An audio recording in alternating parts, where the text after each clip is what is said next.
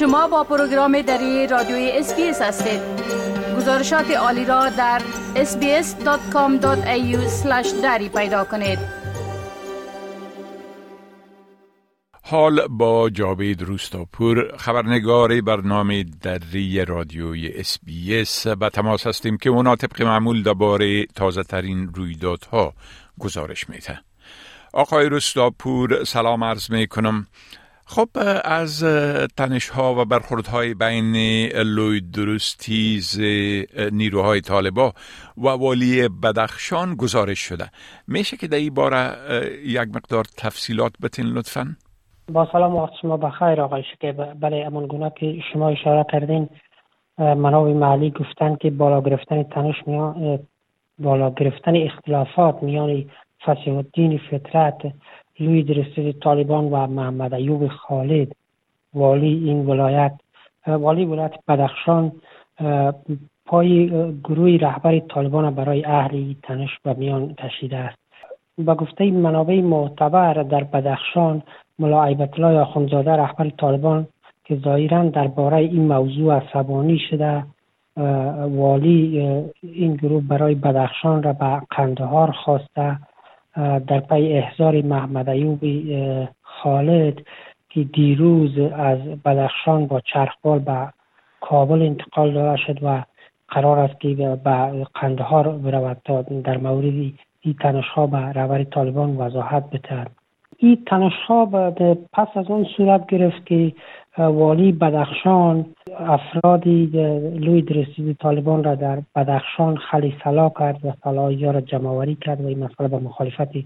تندی قاری فسیدین روبرو شد و پس از این تنشها دیروز خانه رئیس لوی درستیزی طالبان در منطقه کارتای پروان کابل از طرف استخبارات طالبان محاصره بود و گفته می شد که آقای فسیادین اجازه بیرون شدن از خانه را نداشت و همچنین عبور مروی افراد در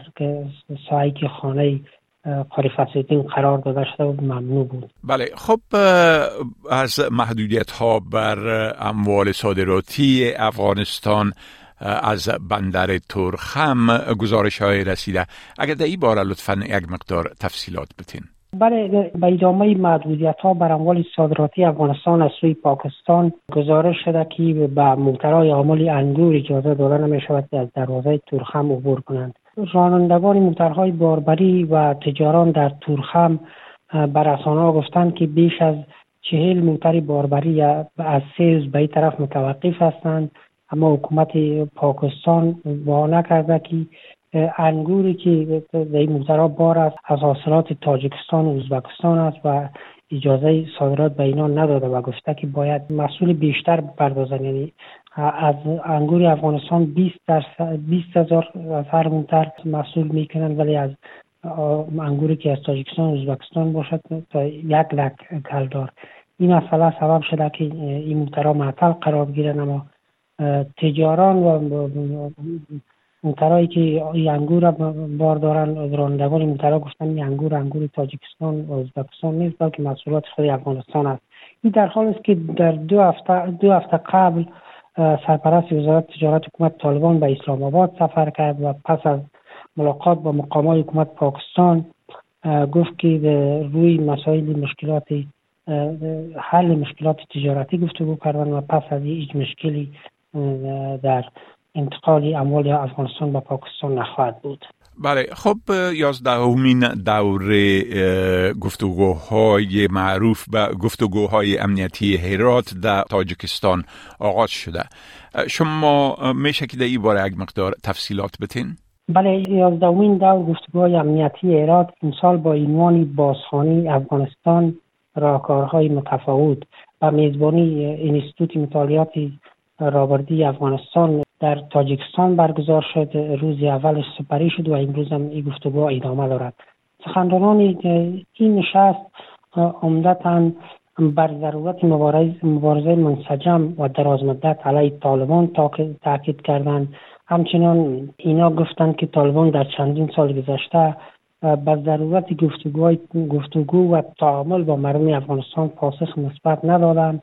و در هیچ یک از نشست هایی که در مورد صلح افغانستان برگزار شده است حاضر به گفتگو با مردم افغانستان به گونه واقع بینانه نبودند. همچنان در این نشست از جامعه جهانی انتقاد شد که سیاست تعامل مداری جامعه جهانی بخصوص برخی کشورهای جهان با طالبان سبب تغییر ایدئولوژی و ایدئولوژی و دیدگاه های طالبان نخواهد شد بلکه این مسئله افراطیت و ایدئولوژی را در منطقه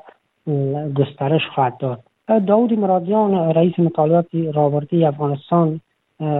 در آشیه این نشست به رسانه گفته که تمرکز اصلی این نشست امسال بیشتر روی آینده افغانستان و چگونگی نظام آینده خواهد بود. به گفته آقای مرادیان حدودی 150 نفر از جمله برخی از سیاستمداران و مقامات حکومت پیشین افغانستان به این نشست دعوت خواهند شد و در مورد آین نظام آینده افغانستان گفتگو خواهند کرد بله خب بسیار تشکر آقای روستاپور ازی گزارشتان و فعلا شما را به خدا می سپارم روزتان خوش وقت شما هم خوش خدا حافظ ناصرتان